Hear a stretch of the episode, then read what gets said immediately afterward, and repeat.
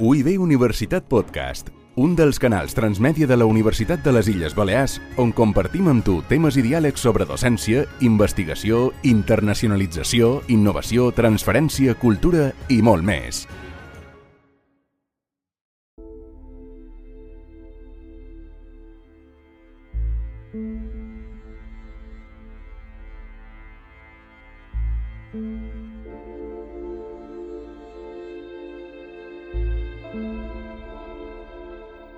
Es construeix una societat en pau?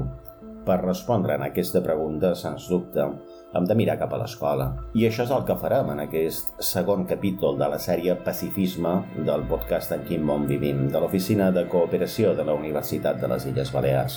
En Xema González és a la part tècnica i vos parla David Oliver Ramon.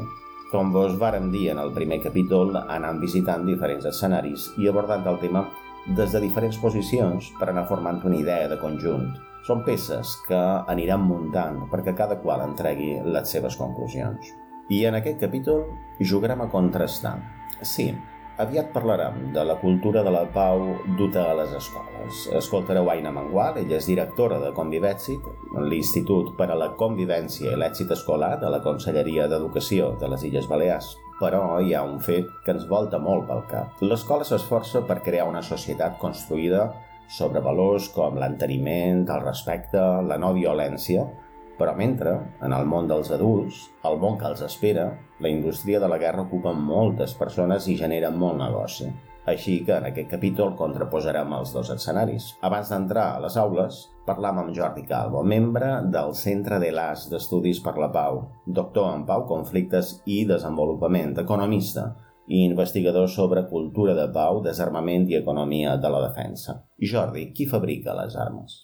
Les armes són fabricades sobretot per empreses del nord i són comprades una bona part per països del sud que no tenen indústria militar. La indústria militar està sobretot als Estats Units, a Espanya, a Itàlia, a Alemanya, a Regne Unit, a França, és a dir, als grans països europeus, a Amèrica del Nord, i alguns altres països com Corea del Sud o Japó.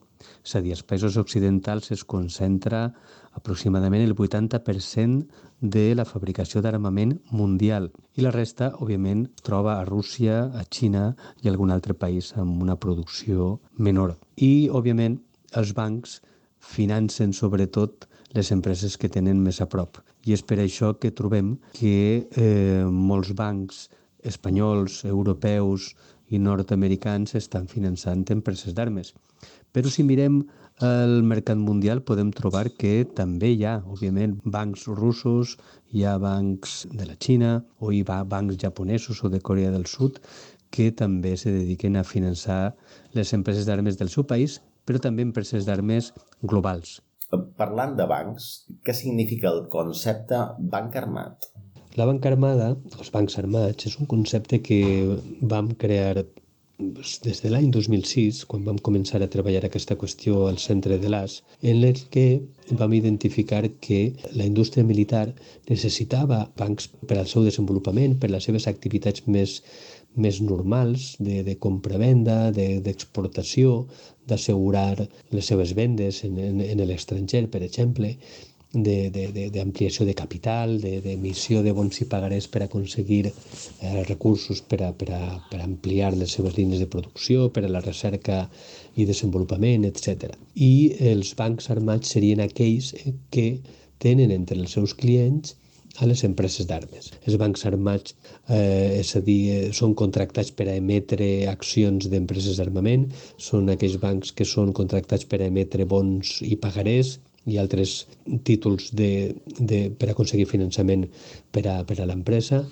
Són aquells bancs que poden eh, assegurar les exportacions d'armament, són aquells bancs que poden donar pòlisses de crèdit per a, per a les empreses d'armes, són aquells bancs que ofereixen qualsevol servei que fa possible l'operativa d'una empresa d'armes.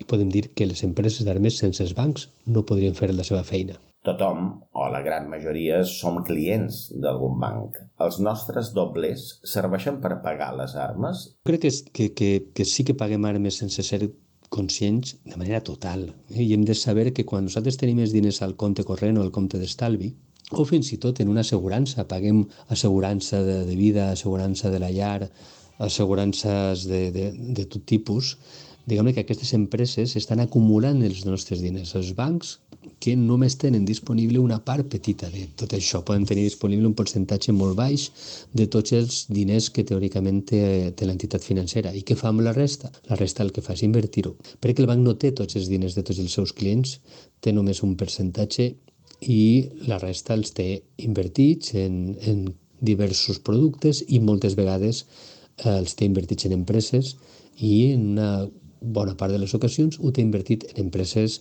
de la indústria militar, en empreses d'armament. I és molt, molt difícil saber què és el que fa eh, l'entitat bancària. Sí que podem saber eh, el que pot fer el banc quan nosaltres decidim que ha d'invertir els diners. No? Per exemple, hi ha productes financers al servei de tots els clients que eh, diguem que serien per estalviar, per a posar-los en un compte en el que eh, s'inverteixen en, una, en una llista d'empreses, se compren, se venen accions del mercat secundari eh, en la que podem tenir aquesta llista. Són, són, són índexs d'inversió, com l'Standard Poor's, per exemple, en el que apareix una llista enorme de centenes d'empreses i en els que, quan nosaltres ho hem mirat, sempre hem trobat que hi ha no una, sinó moltes empreses d'armament està clar que hi ha molts interessos. Es fomenta la guerra o el conflicte? Mira, si jo fos empresari d'armes, hauria de fer el que fa qualsevol empresari, que és maximitzar el seu benefici. I a més, el que ha de fer és maximitzar el seu benefici a llarg termini. I com maximitza un empresari d'armes el seu benefici? A llarg termini, és a dir, d'aquí 10, 20, 30 anys, doncs generant demanda del seu producte en el futur. I la demanda de les armes es produeix principalment en les guerres, quan hi ha guerres. De fet, això ho veiem en la guerra de Síria o en la guerra d'Ucraïna, en els mesos en què aquestes guerres han començat, la cotització de les empreses més grans d'armament que se suposava que anaven a vendre armes per a aquestes guerres va pujar com l'espuma. Que les empreses d'armes estiguin promovent que hi hagi guerres perquè, perquè elles tinguin mercat en el futur, no ho podem saber, però el que sí que podem dir és que és algo que els interessa de tal manera que molt probablement obriran alguna ampolla de xampany quan, quan, quan vegin que, ha, que hi ha una guerra al, al, en el camí. Després també podem dir que hi ha una altra manera de generar un mercat continu, permanent i en creixement per a les empreses d'armes, que no és exclusivament el de que hi hagi guerres al món, sinó el de que tinguem por, societats amb por de que anem a ser atacats, invaïts. Les empreses el que fan per a mantenir un mercat permanent i creixent per als seus productes és intentar diversificar, que els seus productes siguin utilitzats per a més reptes per a la seguretat d'un país. I això el que fa és algo molt pervers, perquè, per exemple, la seguretat és de gran rellevància en les fronteres. Les fronteres tenen reptes per a la seguretat d'un país en els que sobretot en parlem de que hi ha fluxos migratoris, de que hi ha eh, alguns altres elements que poden afectar la seguretat del país que són de caràcter social, eh, de caràcter eh, humanitari i que s'han de gestionar, òbviament. S'han de gestionar de la millor manera. Però les empreses d'armes estan oferint els seus productes, la seva visió, els seus equipaments per a donar una resposta militaritzada el que passa a les fronteres. I és per això que molt probablement els últims anys, les últimes eh, dues dècades, a Europa s'ha optat per militaritzar la frontera europea i a molts altres països del món també, amb la qual veiem que les empreses d'armes tradicionals venen els seus productes de vigilància, de control, de tot tipus, per a enfrontar-se a un enemic tan poc armat com són els migrants. És a dir, estem donant una resposta militaritzada i no humanitària per la pressió que molt probablement la, la indústria militar ha fet sobre els governs per a convèncer-los de que aquesta era la, la manera més fàcil, més eficaç i més directa per a aconseguir mm, respondre a un repte que necessita moltes respostes però que en cap cas necessita la resposta militar. Gràcies, Jordi Calvo. Amb tu hem entès com se les gasten en el món adult del present. El futur pot ser diferent? Amb aquesta qüestió al cap hem entrevistat Aina Mangual, ho dèiem, directora de Convivetsi, sentireu tot seguit la conversa que vàrem mantenir amb elles seguint la consigna de trobar-nos en espais de la Universitat de les Illes Balears, oberts al públic, per això sentireu una mica de renou d'ambient. Aina, gràcies per haver vengut. Moltes gràcies a vosaltres per aquest espai tan, tan interessant. En dies com eh, aquests actuals tenim una guerra molt a prop. Clar, per tu parlar d'educació i pau ha de ser important. És aquella acció preventiva necessària? Uh -huh. Parlar de pau és fonamental en els centres educatius perquè l'escola en si mateixa ha de ser un model i han de ser uns espais de, de pau, no? Han de construir a, a nivell local, a nivell d'aula, a nivell de centre educatiu, pues, eh, allò que volen trobar a nivell global no? en, en la societat. No? Mm, per altra banda, la pau, eh, la calma, és primordial a un centre educatiu per trobar el benestar de les persones i per poder fomentar aquests espais d'ensenyament de, i, i d'aprenentatge. No? Uh, els joves passen molt de temps a les escoles i, per tant, són espais privilegiats per poder treballar tot aquest tema de la cultura de pau. Avui en dia pues, xerram d'una educació integral, d'una educació transformadora que, que han d'anar més enllà de transmetre uns coneixements, sinó que han de treballar pues, una educació, eh, jo diria, socioemocional i també importantíssim una educació moral. No? I aquí és on han de treballar valors i, i valors tan fonamentals i jo diria tan bàsics com que els, els infants i joves surtin de les escoles en dos conceptes claus. El primer, que la pau és preferible a la guerra i que el diàleg i, eh, és preferible pues, a, a la violència. No? I amb aquests conceptes eh, jo crec que han de treballar en el dia a dia en els centres educatius i que a conviure i a, i a construir aquests espais de calma pues, és imprescindible eh, fer-ho pues, eh, dia a dia i, i fer aquest camí. No? Eh, hi ha un punt de sortida però no, no hi ha un punt d'arribada. No? Els centres educatius són aquests espais que han d'ensenyar de, a, a conviure. I, i vull remarcar que eh, el departament que jo represent com a directora pues, treballam per acompanyar en els centres educatius a, a construir aquests espais, aquests entorns segurs, pacífics, com diu la mateixa l'OPIBI, la, la darrera llei de, de protecció integral de la infància i de, i de l'adolescència front a la violència, i, i estem en aquesta línia, no? ajudar a construir aquests espais eh, segurs i protectors que seran espais de, de pau i que, per tant, jo crec que això se transferirà a la societat del futur. Uh -huh. Aquí tenim uns eixos bàsics per llavors dissenyar una actuació duta a lo concret. Uh, com, com se desplega tot això dins un centre? Val, ara això ho he de dur uh, a la pràctica. Mos pots posar qualque exemple? Sí, bueno, jo més que xerrar d'aquesta part pràctica, jo m'aniria més enrere, perquè crec que és, uh, és fonamental uh, posar una cimentació, no? I, i és fonamental eh, primer de tot que hi hagi un equip directiu que aposti per la filosofia de la cultura de pau. No? Llavors, aquest equip directiu pues, ha de posar totes unes, unes condicions perquè, mm, perquè hi hagi pues, unes persones que puguin eh, treballar la convivència positiva perquè hi hagi uns espais, unes metodologies, és a dir, eh, han d'impulsar i han de liderar aquestes polítiques que, que ells han decidit dur-les a terme. No? Eh, no se pot treballar de manera puntual, sinó que ha de ser d'una manera sistemàtica, ha d'haver programes, ha d'haver activitats, com, com tu dius, i per això pues, és, és necessari una programació, unes activitats, unes metodologies, unes persones implicades i, com no, pues, una, una avaluació. No? Pues primer de tot, eh, citar aquesta importància d'aquestes polítiques que decideix quins equips directius. En segon lloc, tenir un professorat eh, format, que això no és fàcil perquè normalment eh, quan anem a la universitat aquesta, aquesta part eh, no se tracta en, en, en la importància que, que se necessitaria. Per tant, eh, quan estem en un centre educatiu han de pensar, eh, estar els nostres professionals eh, preparats, Llavors han de cercar una sèrie de, de formacions pel claustre o, o unes formacions específiques per a aquelles persones que lider, lideraran tot aquest moviment. No? I, i te podria xerrar pues, de, de les pràctiques restauratives com una metodologia i una filosofia que està molt en la línia de la, de la cultura de pau.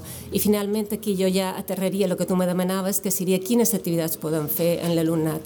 Jo te diria que un espai eh, privilegiat és, és l'aula, és la tutoria, per treballar en el dia a dia, però no basta. Eh? Jo aniria més enllà i, i jo diria que, que s'ha de treballar a nivell de centre, amb un clima i una cultura de centre que impregni aquesta cultura de pau i després amb programes i activitats específiques com puguin ser un servei de mediació, una cibermentoria, una tutoria entre iguals, etc etc.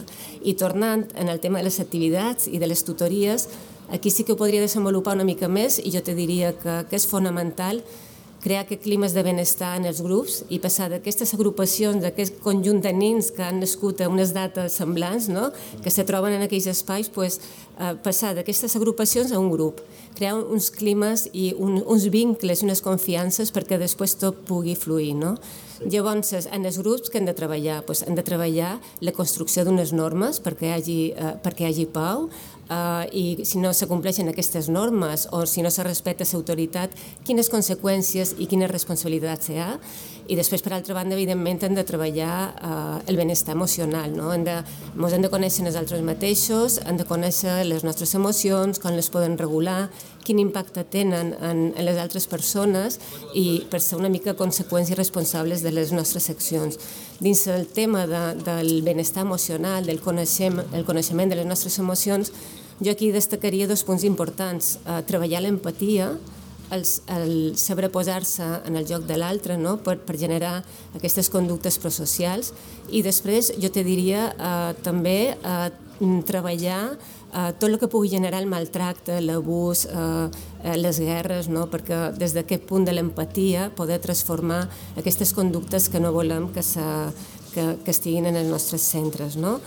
I, i després te diria que, que nosaltres, eh, la segona part de la pregunta, que te, mm, com se pot dur a terme, doncs en els centres educatius ells regeixen per la normativa, de, encara és, és un decret una mica antic, des 2010, és decret 121 barra 2010 del 10 de desembre, que regula, eh, regula els drets i deures dels alumnes i les normes de convivència i aquí indica que els centres educatius han de tenir uns plans de convivència i han de tenir també uns plans d'acció tutorial. No? Llavors aquí és on se, se desenvoluparien totes aquestes activitats que s'han d'anar treballant d'una manera sistemàtica al llarg de, de tots els cursos escolars.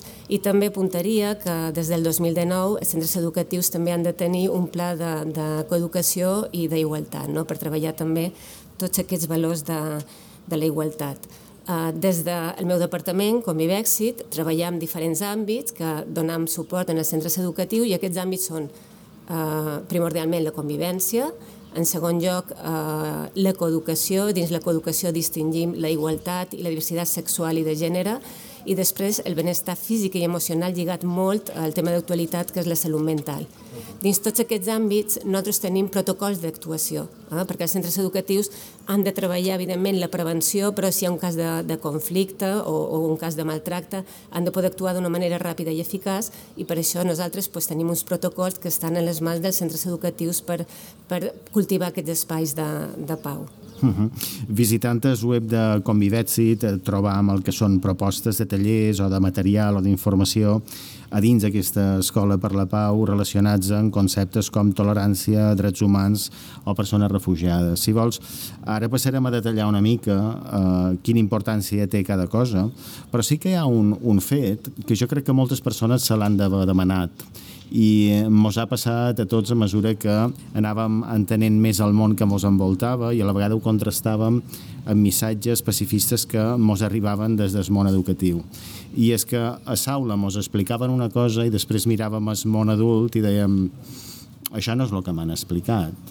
I sempre hi ha aquest missatge que a nivell de model econòmic s'està extremant i és que perquè tu te vagi bé has de passar per damunt d'un altre. No? Tu com creus que això se pot explicar d'una forma en què aquests missatges que comentaves quedin a dins la persona, s'interioritzin i a més sàpiga gestionar aquesta gran contradicció que el món adult els està posant al davant? Sí, bueno, jo aquí treballaria el, el valor fonamental del respecte. Eh? Hi ha gent que parla de tolerància, però mm, jo m'agrada més, eh, m'inclin cap a la paraula respecte, no? Perquè mm, ningú ha de tolerar ningú, tots teni, tenim els mateixos drets i les mateixes oportunitats i per tant eh, jo crec que eh, hem de treballar sobretot eh, el respecte, el, el saber valorar la diferència, abraçar la, la diversitat de, de les persones i, veu, i, i veure pues, eh, com un factor d'enriquiment. No? I és cert aquesta part que tu dius que el món adult no, no són bons exemples, no? I, i ara que fa poc s'ha celebrat el Mundial, pues, podem veure que el camp de futbol pues, aquí és un generador de, de violència, no? Podem veure com, com la gent eh, pues, eh, s'expressa de manera violenta, de, de manera verbal, de manera física, pot insultar en els jugadors, a l'àrbit o, o en el públic, no? I, i, i, no, i, i sense anar tan en fora en el Mundial, pues, en els partits de futbol a nivell local, pues, Uh, jo que tenia un fill que jugava a futbol, pues, molt sovint, els cap de setmana es veia pares que inclús insultaven els seus fills perquè no estaven fent el partit que ells havien somiat per aquell cap de setmana, no? Uh -huh. O si no, també uh, pensant en, en, en la circulació, tu quan vas en cotxe, pues, sempre uh, hi ha gent una mica nerviosa, alterada, no? que te toca el claxon o que t'insulta, o, o, o, o simplement anant pel carrer poden veure gent que no respecta les senyals de, de tràfic. No? Per tant, tot això són, són mostres de, de, de que no estem respectant els valors, la cultura i les normes de, de la nostra societat. I jo aquí sí que, que diria que, que és imprescindible fer una feina conjunta família i escola perquè tots aquests valors eh, s'han d'inculcar des de les dues parts. No? Eh, la família és aquest espai de, de, de socialització, eh, mm, jo diria que, que és el primer que tenen els nins, i els nins s'aprenen molt per imitació, no? Per tant, han de controlar una mica aquests exemples que estan donant i han de, han de tenir una corresponsabilitat família i escola. Uh, la família no pot delegar en l'escola i l'escola tampoc no pot delegar en la família. Uh -huh eh, recordant que estan parlant en, en Naina Amengual, la presidenta de, de Convivetsit, estan parlant d'Escola de, en Pau. Clar, i tot això que comentes eh, seria el pol oposat a l'assetjament. Eh, és un gran antídot. És, és, és una eina fonamental, tot això mm -hmm. que m'estàs contant. Exacte, exacte. O sigui, jo crec que com t'he dit abans, primer de tot crear vincles, confiança, és, és bàsic, però després treballar tots aquests valors com pugui ser eh, el respecte, eh, la, la solidaritat, la igualtat, la cultura de pau, tot això, eh, evidentment, és, és la base i és l'antídot a l'assetjament, però també t'he de dir que no basta, no? hem de fer també eh, moltes més, més coses, no? com fer campanyes de prevenció no? de, de l'assetjament, d'explicar de, el que és, perquè si nosaltres no sabem el que és l'assetjament, pues, eh, no el podem detectar i no, i no podem mm, anar a demanar ajuda. No?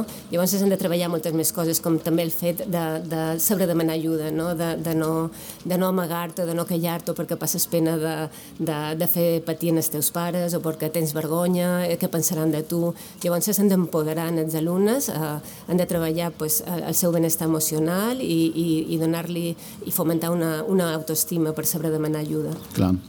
Estan parlant d'allò que se treballa dins una aula, però evidentment té una repercussió social i si miram cap al món sencer, eh, tot allò que feis en relació a drets humans, diguem que és un missatge diguem, especialment universal. No? I, a més, vivim en, un, en una època en què són vulneracions recurrents, aquelles que se fan a, en contra dels drets humans. Com, com se treballa això? Com s'explica en els centres? Bueno, jo crec que els drets humans també eh, és un, conti un contingut que l'hem de presentar i que l'hem de treballar, que moltes vegades està ausent, no? Pues, com deia abans, eh, si una cosa no se coneix, no se pot veure, no?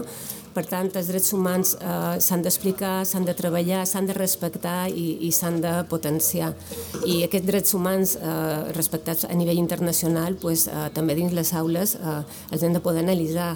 Uh, jo ho treballaria pues, d'una manera que recomana UNICEF, que, que és com en tres passes. No? Primer seria explorar tenir aquest pensament crític de, de veure les diferents situacions que estan passant, que són conflictives, que són delicades, que estan fent patir a la gent. Uh, després d'explorar, de, jo te diria, reaccionar, uh, veure què pots fer, no? A, mi, a lo millor mm, convendria a vegades enfocar a l'entorn proper, de vegades igual no fa falta anar cap a les guerres que a l'exterior, encara que també és molt, molt recomanable, podem aprendre molt, però aprofitar eh, el que tenim a prop i tenir aquest aprenentatge significatiu. Una vegada que pensant que podem fer, pues, anem a secció, anem a fer-ho, no? anem a veure eh, totes aquestes, eh, tots eh, aquests privilegis que tenc com a persona i veure què puc aportar no? I, i, i ajudar a construir aquest món millor. Uh mhm. -huh. En tot això, m'he estat fixant també dins el web de Convivèxit que teniu un material adreçat a, a personal docent, eh, sobretot, que eh, dona unes pautes, uns consells en relació a el que és atenció a persones, alumnes eh, refugiats, alumnat refugiat. No? Mm -hmm. Aquí sí que ens trobam en situacions en què a dins aula pot entrar, ara està passant molt, no? una persona que directament ve d'un conflicte armat. Quin valor li dones eh, en aquest fet i per què heu decidit donar un material? Què és allò que s'havia de... quines eines s'havia de donar al professorat per atendre bé aquesta situació? Bueno, és una, és una situació nova i, i com tota situació nova pues, necessita un, un temps per pair-la, per poder preparar-la, no? I ens vam trobar que va, va venir d'una mica d'una manera sobtada, no? I el, el col·lectiu docent que, que sempre intenta donar el millor d'ells mateixos i, i fer la seva feina bé, pues, eh, realment li va crear una sèrie d'angoixa, no? I nosaltres vàrem intentar pues, facilitar i vàrem fer dos documents molt bàsics, però mm, documents en sentit comú, però que van estar molt ben acollits. Un d'ells era pautes per, per fer aquesta acollida, que eren pautes tan bàsiques com recomanar a l'equip directiu pues, que dongui eh, la protecció, l'ajuda i els serveis que puguin necessitar eh, aquestes famílies en, en l'entorn on, on arribaven i després recomanacions a nivell de professorat i de tutors pues, eh, com podíem preparar aquesta acollida no? perquè fos una acollida real i efectiva i aquí pues, donaven pautes molt senzilles com a lo millor anticipar i, i comentar. En el seu grup d'alumnes, mira, vendrà una persona nova, ve d'un altre context educatiu, ve d'una altra cultura, parla una altra llengua, està visquent una situació eh, supercomplicada que, que du una motxilla emocional impressionant, tal vegada ha deixat eh, família, tal vegada té alguna persona morta, i treballar des de l'empatia amb el teu grup i saber com pots rebre en aquella persona. No? Llavors eh, surten propostes superinteressants de, del mateix grup. No?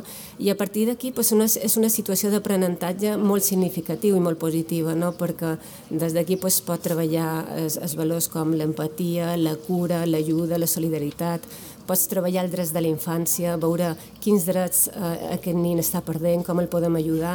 Podem treballar també espais de, de convivència a, eh, a nivell comunitari on eh, aquestes famílies puguin, puguin explicar eh, com és la seva cultura, a lo millor podem fer, pues, eh, evidentment, quan consideren que és el moment adequat, no quan arriben, no? sinó al llarg de, del curs escolar, pues, poder generar aquests espais d'interculturalitat que són un enriquiment i que poden donar protagonisme a aquelles famílies perquè se comencin a integrar i se, i se trobin bé. I després, evidentment, són situacions eh, molt bones per treballar tot el que implica una guerra, no? per, per fer veure als alumnes que la guerra és intolerable, que els conflictes sí que eh, són inherents a les persones, que en el centre educatiu tenim un enfocament positiu i proactiu, que els aprofitam per, per créixer com a persones i per tenir un aprenentatge, però a, a nivell de països és intolerable perquè té unes conseqüències brutals i, i, i evidentment estan perdent persones. No? Sí. Tot això que estàs comentant mos parla de uh, tot un seguit de valors que arriben a l'alumnat, però també d'un professorat que s'està posant les piles contínuament. Eh? Hi ha una formació continuada necessària en tot això. Sí, sí. Uh, el professorat, evidentment, uh, tot això, com he dit abans, pues, li, li genera uh, angoixa, inseguretat, però, però és, és una professió apassionant, no? I jo crec que, que mos cercam a vegades la vida, no? Quan tens una cosa d'aquestes, pues, pues intentes uh, demanar ajuda a l'administració, a un altre centre que busca millor té una bona pràctica i, i sempre jo crec que, que ens en sortim no? I per nosaltres pues, eh, la docència jo, jo crec que, que és una professió eh, fantàstica i molt estimulant i que tu aprens en el dia a dia, o sigui, aprens de, de la teva tasca educativa amb, els, en les teves errades, amb, en, amb els teus encerts i sobretot aprens de, de l'alumnat, que moltes vegades te pot ajudar eh, a gestionar aquestes situacions. A vegades tenen millors eh, respostes i, i propostes que, que és professorat. I doncs mira, dit això, per, per acabar, eh, te deman que m'acabis una frase. Si les coses van com s'estan plantejant en aquest sentit a les aules, el món serà... Millor. Va, I ho deixarem aquí. Gràcies, Aina, per haver vengut. Moltes gràcies a I tu. fins aviat. Adéu. Eh, Fins aquí el segon capítol de la sèrie Pacifisme del podcast En quin món vivim. En el següent capítol escoltareu el que suposa viure l'experiència de la guerra, de molt a prop, fins al punt de carregar amb forats de bala al cos, amb forats de bala que també deixen marcada l'ànima. UIB Universitat Podcast, un dels canals transmèdia de la Universitat de les Illes Balears on compartim amb tu temes i diàlegs sobre docència, investigació, internacionalització, innovació, transferència, cultura i molt més.